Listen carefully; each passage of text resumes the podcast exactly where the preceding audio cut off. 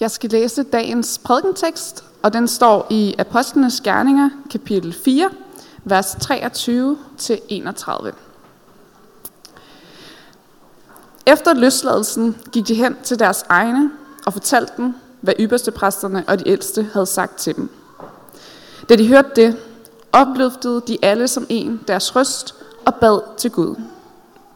Herre, du som har skabt himlen og jorden, og havet med alt, hvad de rummer. Du som har sagt ved Helligånden, gennem din tjener, vor fader David. Hvorfor var folkeslagene i oprør? Hvorfor lagde folkene planer, der ikke kan lykkes? Jordens konger rejste sig, fyrsterne slog sig sammen mod Herren og mod hans salvede. Ja, i sandhed, de har slået sig sammen i denne by mod din hellige tjener, Jesus, som du har salvet. Både Herodes og Pontius Pilatus, sammen med folkene og Israels stammer, for at udføre det, som din hånd og vilje forud havde bestemt skulle ske. Og nu, Herre, se dog deres trusler, og giv dine tjenere og tale dit ord med fuld frimodighed. Ræk din hånd ud til helbredelse, så der sker tegn og under ved din hellige tjener Jesu navn. Da de havde bedt, rystedes det sted, hvor de var forsamlet, og de blev alle fyldt med helligånden, og de forkyndte Guds ord med frimodighed. God formiddag. Har jeg lyd på? Yes, det har jeg i hvert fald. Dejligt at se jer. Dem af, dem af jer, der sidder her i dag, der kan jeg åbenlyst øhm, eller analysere mig frem til, at I ikke løber halvmarathon i dag. Men hvis I var i kirke her sidste søndag, så var det lidt en halvmarathon, vi var ude på der. Jeg ved ikke, om I kan huske det. En længere distance, øh, næsten, næsten to kapitler, som Peter øh, tækker tilbage med et højt pace. Øh, der var fart på. I dag har vi lige lidt bedre tid. Lidt bedre tid til de ni vers her, som Katrin lige har læst, og lidt bedre tid til at dykke ned i, i nogle af pointerne herfra. Mit mobilnummer står på, på de fleste slides, og øh, man er velkommen til at sende en kommentar eller et spørgsmål. Og øh, der er ikke tid til at, til at gå det igennem her efter prædiken i dag, men øh, der vil blive givet svar på, på sms senere på dagen. Så vær frimodig til det.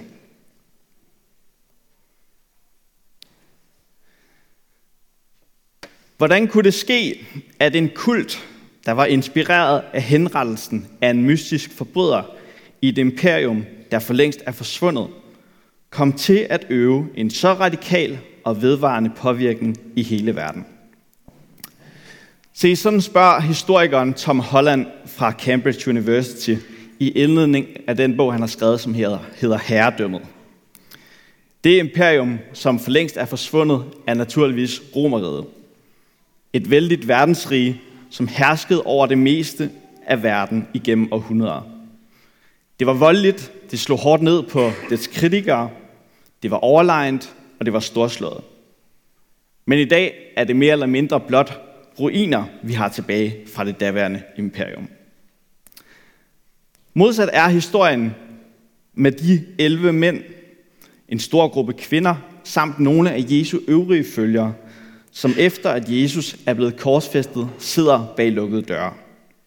De er skræmte, de er udmattede, og de er uforstående. Det er jævne mennesker, uden nogen særlig autoritet eller magt, og langt fra romeriets centrum. Alligevel så er det den her kult, som Tom Holland kalder den, som i høj grad har skabt vores vestlige bevidsthed. Og mange af de værdier, som vi i dag tager helt for givet, og som er helt fundamentalt for vores samfund, som for eksempel menneskerettigheder, de kommer fra den kult. Som Martin nævnte til at begynde med, så er vi i løbet af efteråret her i kirken i gang med en serie, som vi har kaldt År 0. Og her er det netop, at vi prøver at forstå, hvordan en tilsyneladende ubetydelig kult kunne blive en bevægelse, som spredte sig ud over hele Romeriet. Vi kigger på det skrift i Nyt Testamentet, som hedder Apostlenes Gerninger. Og så kigger vi på, hvad var det, der drev de første kristne, og hvordan gik det til? Og i dag der fortsætter vi den her serie, og vi skal se på tre perspektiver ud fra teksten. For det første skal vi se på Guds rige kommer. Jeg skal nok uddybe, hvad, hvad der ligger i det. Så skal vi se på disciplenes bøn. Bønnen, der fik jorden til at skælve. Her zoomer vi ind på, hvad det er, vi igennem deres bøn kan lære om disciplene, om deres liv og deres tro. Og til sidst så skal vi kigge på en bøn, der får verden til at skælve. Og vi kort lige skal kigge på, hvordan at det her det sat en bevægelse i gang i hele verden. Men inden vi, vi kigger nærmere på det, så skal vi lige bede sammen endnu en gang.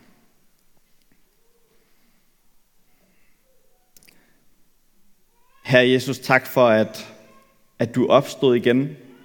Og tak, at du har sendt os din hellige ånd, for at vi skal kende dig og vide, hvad det du gjorde, hvad det betyder for os. Jeg beder dig om, at vi må lære af disciplenes bøn, og det må blive til opmuntring, til fred og til udfordring for hver enkelt af os. Amen.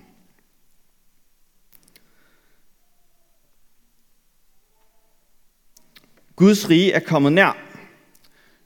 Nogle af jer, som, øh, som kender jeres bibler, I vil sikkert vide, at det her det er tyvstjålet fra evangelierne.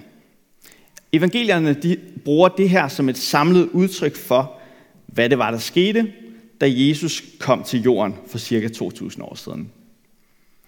Med Jesu tilstedeværelse på jorden mødte Guds rige, altså Guds verden, vores verden. Og noget af det, som kendetegner Guds rige, det er helbredelser. Det er døve, der hører, det er blinde, der ser, og det er lamme, der går. Noget andet, der også kendetegner Guds rige, det er, at det bliver modtaget forskelligt. Og sidste søndag, der hørte vi netop om, om hvordan at to af Jesu disciple, Peter og Johannes, helbredte en lam mand, og hvordan det førte til tak og lovprisning for den her mand. Men det var ikke alle, der var begejstrede. Og det endte med, at Peter og Johannes blev fængslet og blev forhørt af det jødiske råd den efterfølgende dag. Lad os lige starte med at stoppe op ved de her karakteristika ved Guds rige som indledning til teksten. Gud skabte oprindeligt en verden uden sygdom, uden lidelse. Og derfor så smerter det fortsat Guds hjerte, når vi mødes af, af lidelse og når vi rammes af sygdom. Det er også derfor, når man læser, om, læser evangelierne, så møder Jesus igen og igen mennesker med sin helbredelse. Han kan ikke gå forbi dem. Han helbreder dem, han møder på sin vej. Og nu sker det samme så igennem apostlenes hænder. Der er en mand her, som har været lam igennem 40 år. Han rækker sin hånd ud til Peter og Johannes og spørger om en almisse. Prøv at forestille dig den her mand, som næsten ikke har kunnet bevæge sig igennem 40 år. Hvor stærke muskler har han haft? Hvor stærke har hans knogler været? Og så er det, at Gud griber ind med sin helbredelse, med sin helbredende kraft ved apostlenes hænder. Det har været helt fantastisk for den her mand, som vi kan læse naturligt nok springer rundt og priser og takker Gud. Og helbredelsen her, det er så anledning til, at Peter nu forkynder evangeliet for de mennesker, som er samlet ved templet. Han bruger det som en anledning til at fortælle om, hvad Jesus sagde og gjorde, og hvem han var. Og som vi har hørt nogle af de tidlige søndage, så har under og helbredelser ofte den funktion, at de skal bekræfte apostlenes lære. De skal underbygge det, som apostlene lærer om Gud. Og derfor så er det, at, at under og helbredelser ofte går hånd i hånd med, med forkyndelsen igennem apostlenes gerninger. Men til trods for den her helbredelse, så er det altså ikke alle, der ser begejstret til. Særligt den religiøse gruppe blandt jøderne, som kaldes sadukærerne, de ser skævt til Peter og Johannes' helbredelse, og ikke mindst det, de fortæller om Jesus. For sadukærerne, der var, der var Messias, det var mere et ideal end en egentlig person. Og den messianske tidsalder, det var en proces, mere end et event med udgangspunkt i nogle helt historiske, helt konkrete historiske begivenheder. Og derfor så slår de sig også på disciplenes forkyndelse. For Peter og Johannes, der resulterede den her modstand i, at de blev fængslet, at de blev arresteret, og at de dagen efter blev forhørt af det jødiske råd. Jeg tænkte på, hvordan må de andre disciple have haft det den her nat, hvor Peter og Johannes ikke har været hos dem, men hvor de har været i arresten. Jeg tror, at de andre disciple har været ængstelige for, hvordan det nu gik Peter og Johannes. Skulle de også lide samme skæbne som deres mester? Og så tror jeg, at de har samlet sig i bøn. Og så er vi kommet til den tekst, som vi har foran os i dag. Og der står til at begynde med, efter løsladelsen gik de hen til deres egne. Jeg, jeg tror, det er en lille overdrivelse, efter at have været i arresten natten over og været for forhør, at de så gik stille og roligt hjem til de andre og fortalte, nej, det var en meget fin nat der. De har fløjet hjem og fortalt de andre disciple om, hvad de har oplevet, om hvordan at Gud også har, har virket ved sin hellige ånd og givet dem frimodighed. Og på baggrund af det, som de fortæller her, så er det, at de nu samles i bøn. I den bøn, der fik jorden til at skælve. Og det skal vi zoome lidt ind på nu. Det første, vi skal zoome ind på, det er, hvordan den her bøn, den starter. For den starter ikke med apostlene selv, eller deres ønsker. Den starter med Gud, med at slå fast, hvem Gud er. Herre, du som har skabt himlen og jorden og havet med alt, hvad de rummer. Sådan indleder de bønnen med at bede til Gud som skaberen. Herre, eller i stedet almægtige Gud. Han, som har udvalgt Israels folk, og som på mystisk vis har ført dem igennem historien.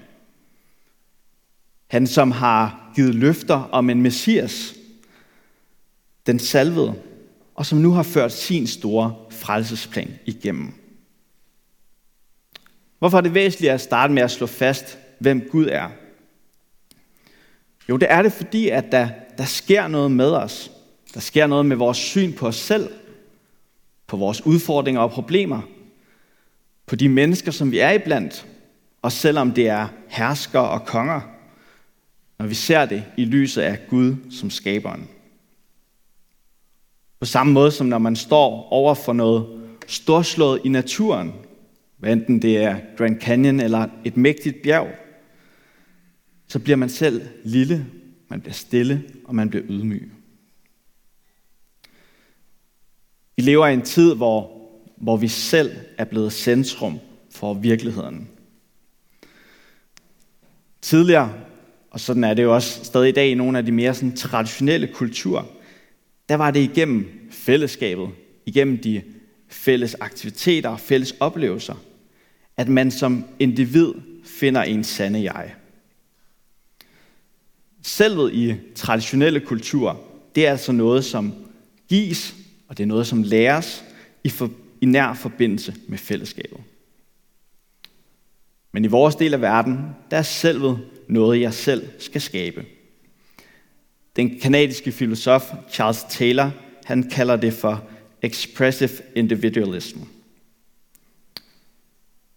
At jeg har ansvaret for at skabe mig selv, at finde frem til, hvem jeg i virkeligheden er og gerne vil være, det er faktisk en relativt stor byrde at bære på.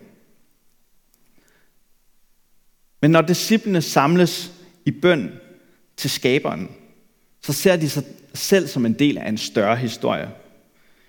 History is his story. Og som kirke i København i dag, der er vi også alle sammen en del af en større historie, hvor Gud og ikke vi er omdrejningspunktet.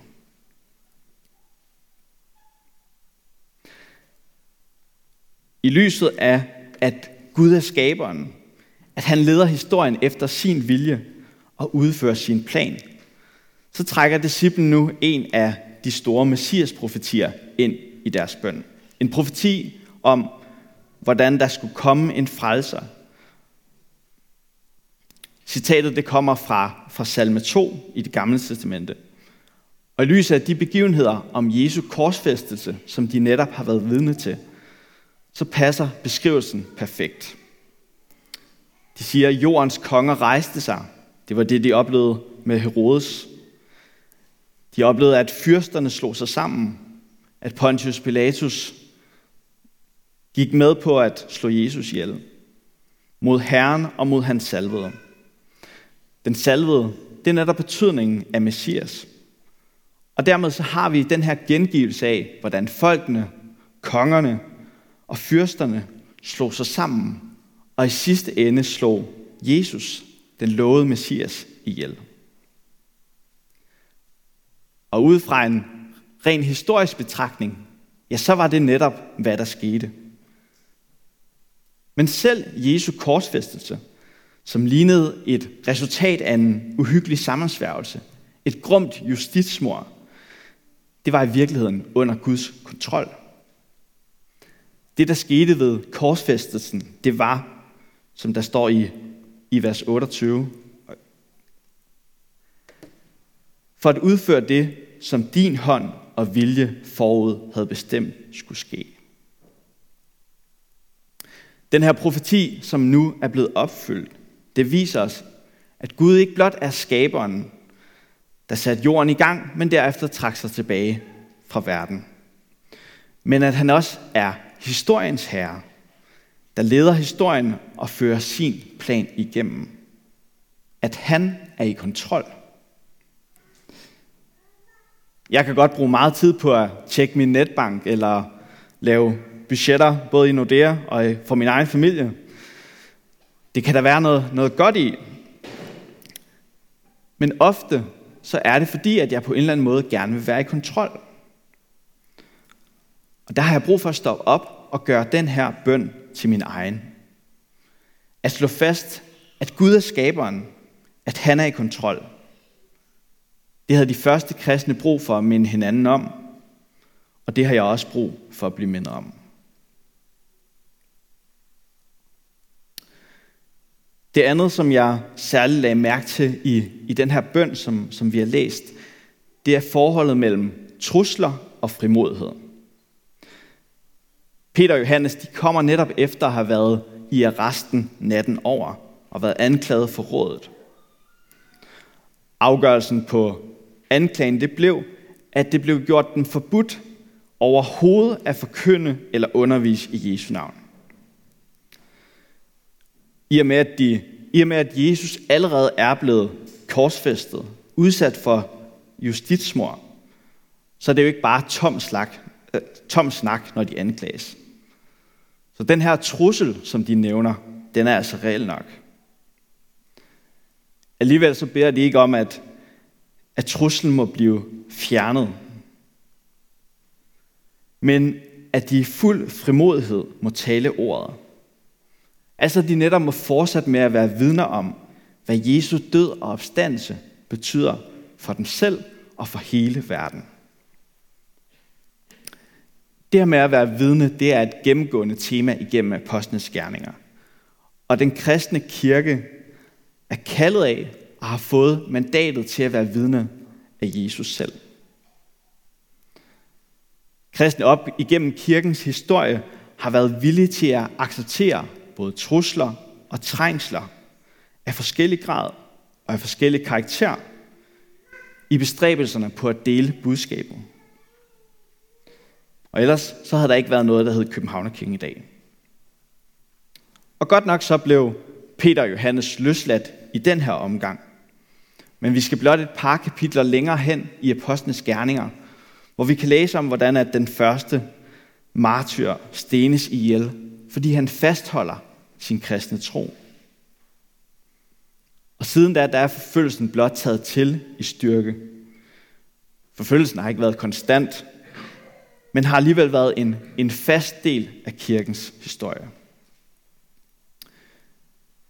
Der er en mand, der hedder Tertullian. Han er en af kirkefædrene i det andet århundrede. Han siger på baggrund af det her, at martyrernes blod er kirkens sæd. Martyrernes blod er kirkens sæd. Der er noget overraskende, der er noget chokerende, mystisk over det her citat. Altså, der er en sammenhæng mellem forfølgelse og i værste fald henrettelse af kristne, og så udbredelsen af kirken og evangeliet.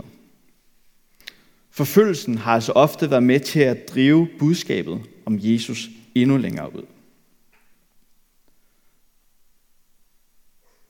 Men hvad er det, der gør, at disciplene med frimodighed kan se ind i et liv med trængsler og med trusler, og alligevel være mere optaget af, hvordan det går med at udbrede evangeliet?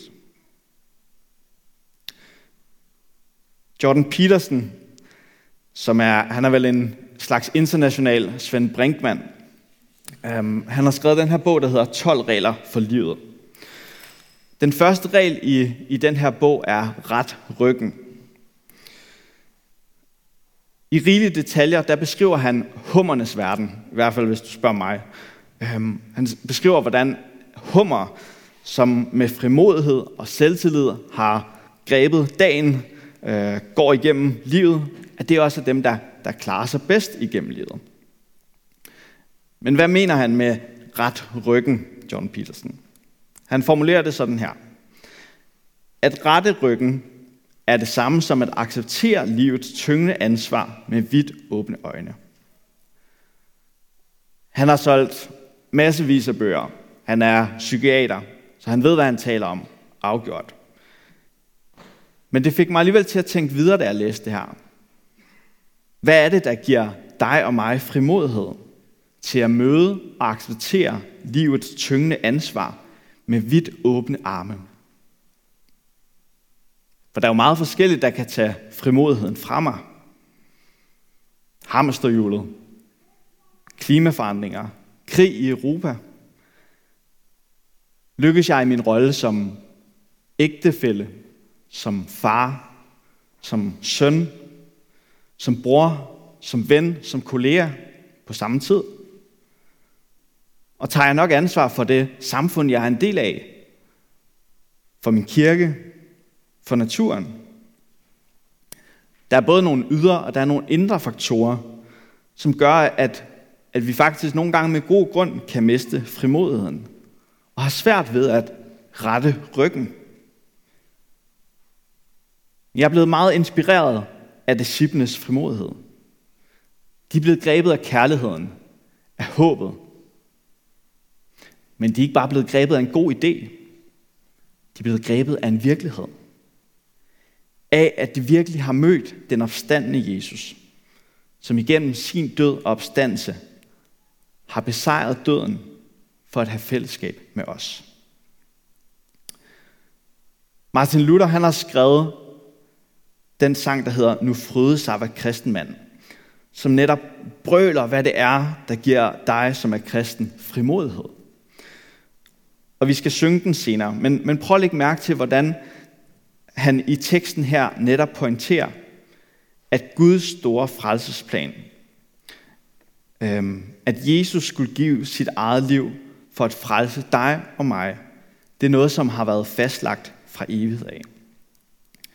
Vers 4 og 5, der står der, da ynkede Gud i evighed min jammer og elende. Han tænkte på barmhjertighed og ville hjælpe mig sende. Sit hjerte vendte han til mig, og kostede der på faderlig det kæreste, han havde. Han talte til sin kære søn, nu vil jeg mig forbarme. Drag ud mit hjertes krone skøn, vær frelser for den arme. Gå hjælp ham ud af syndens nød, og dræb for ham den bitre død, og lad med dig ham leve. Lad os rette vores øjne mod Jesus, Guds søn, ham, som frivilligt sagde, jeg går i døden, jeg går i helvede for dig, for at du, Samuel, ikke skal gå samme vej. Han er blevet frelser for den arme. Han har, han har hjulpet ud af syndens nød. Han har dræbt den bitre død. Og med ham skal vi leve. Både her på jorden og i evigheden. Så det var et budskab, der gav disciplene frimodighed Frimodighed til at rette ryggen, også i mødet med de trængsler og de trusler, som i sandhed de kom til at stå overfor.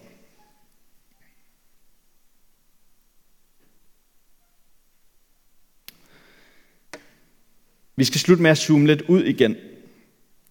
Disciplene de oplevede, at, at Gud bekræftede deres bøn ved naturunder. At jorden skælvede under den. Der står, da de havde bedt, rystes det sted, hvor de var forsamlet, og de blev alle fyldt af helligånden, og de forkyndte Guds ord med frimodighed. Og der har vi frimodigheden endnu en gang. Men det var ikke bare Jerusalem, som skælvede. Men med tiden, der var det den daværende verden, som begyndte at skælve. Tidligere i Apostlenes Gerninger, der læste vi om, at nogle af dem, der hørte evangeliet, at det stak dem i hjertet. Og de spurgte, hvad skal vi gøre for at blive frelst? Sagt med andre ord, deres hjerter skælvede, og de så deres store behov for en frelser. Andre oplevede, at ligesom sadokærerne, at deres fundament, deres identitet begyndte at skælve. Da omkring år 110 efter Kristus, der er der en romersk guvernør, som hedder Plinius den yngre. Han er guvernør i det, i det derværende, øh, eller i det nuværende Tyrkiet, og øhm, han er simpelthen bekymret for, at den her kristne tro, at den spreder sig, og den kommer til at påvirke mere og mere det område, han, han dækker.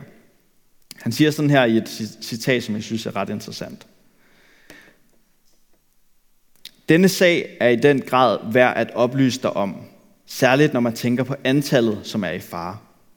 Personer i alle samfundslag og aldre af begge køn bliver og vil blive involveret i retsforfølgelsen. For den smittende overtro holder sig ikke bare til byerne, men har også spredt sig til landsbyerne og landdistrikterne. Citatet viser her, hvor universelt evangeliet er. At det er personer i alle samfundslag og aldre.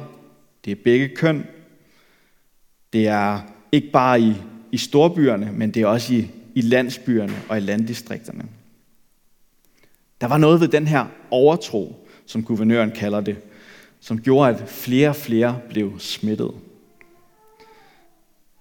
Det, som Jesus havde sagt og gjort, det satte uudslettelige spor i dem, der havde mødt ham, som gjorde, at de selv måtte bringe budskabet om ham videre.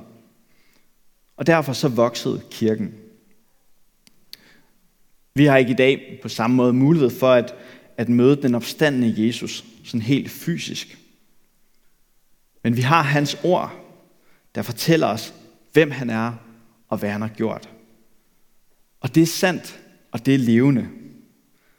Og han har lovet at tale og virke igennem det ord. Og det er også derfor, vi bruger tid på at dykke ned i det hver søndag her i kirken. Og så må vi også, ligesom disciplene gør det, bede om frimodighed. For frimodigheden, den kan gå op, og den kan gå ned. Men Gud er den samme. Han er skaberen. Han er almægtig. Han er i kontrol, og han er historiens herre. Og derfor så må vi også bede udholdende om, at Gud må virke frimodigheden med sin ånd i vores hjerter. Og så må vi ligesom Peter og Johannes og de andre træde ind i Guds store historie. Amen.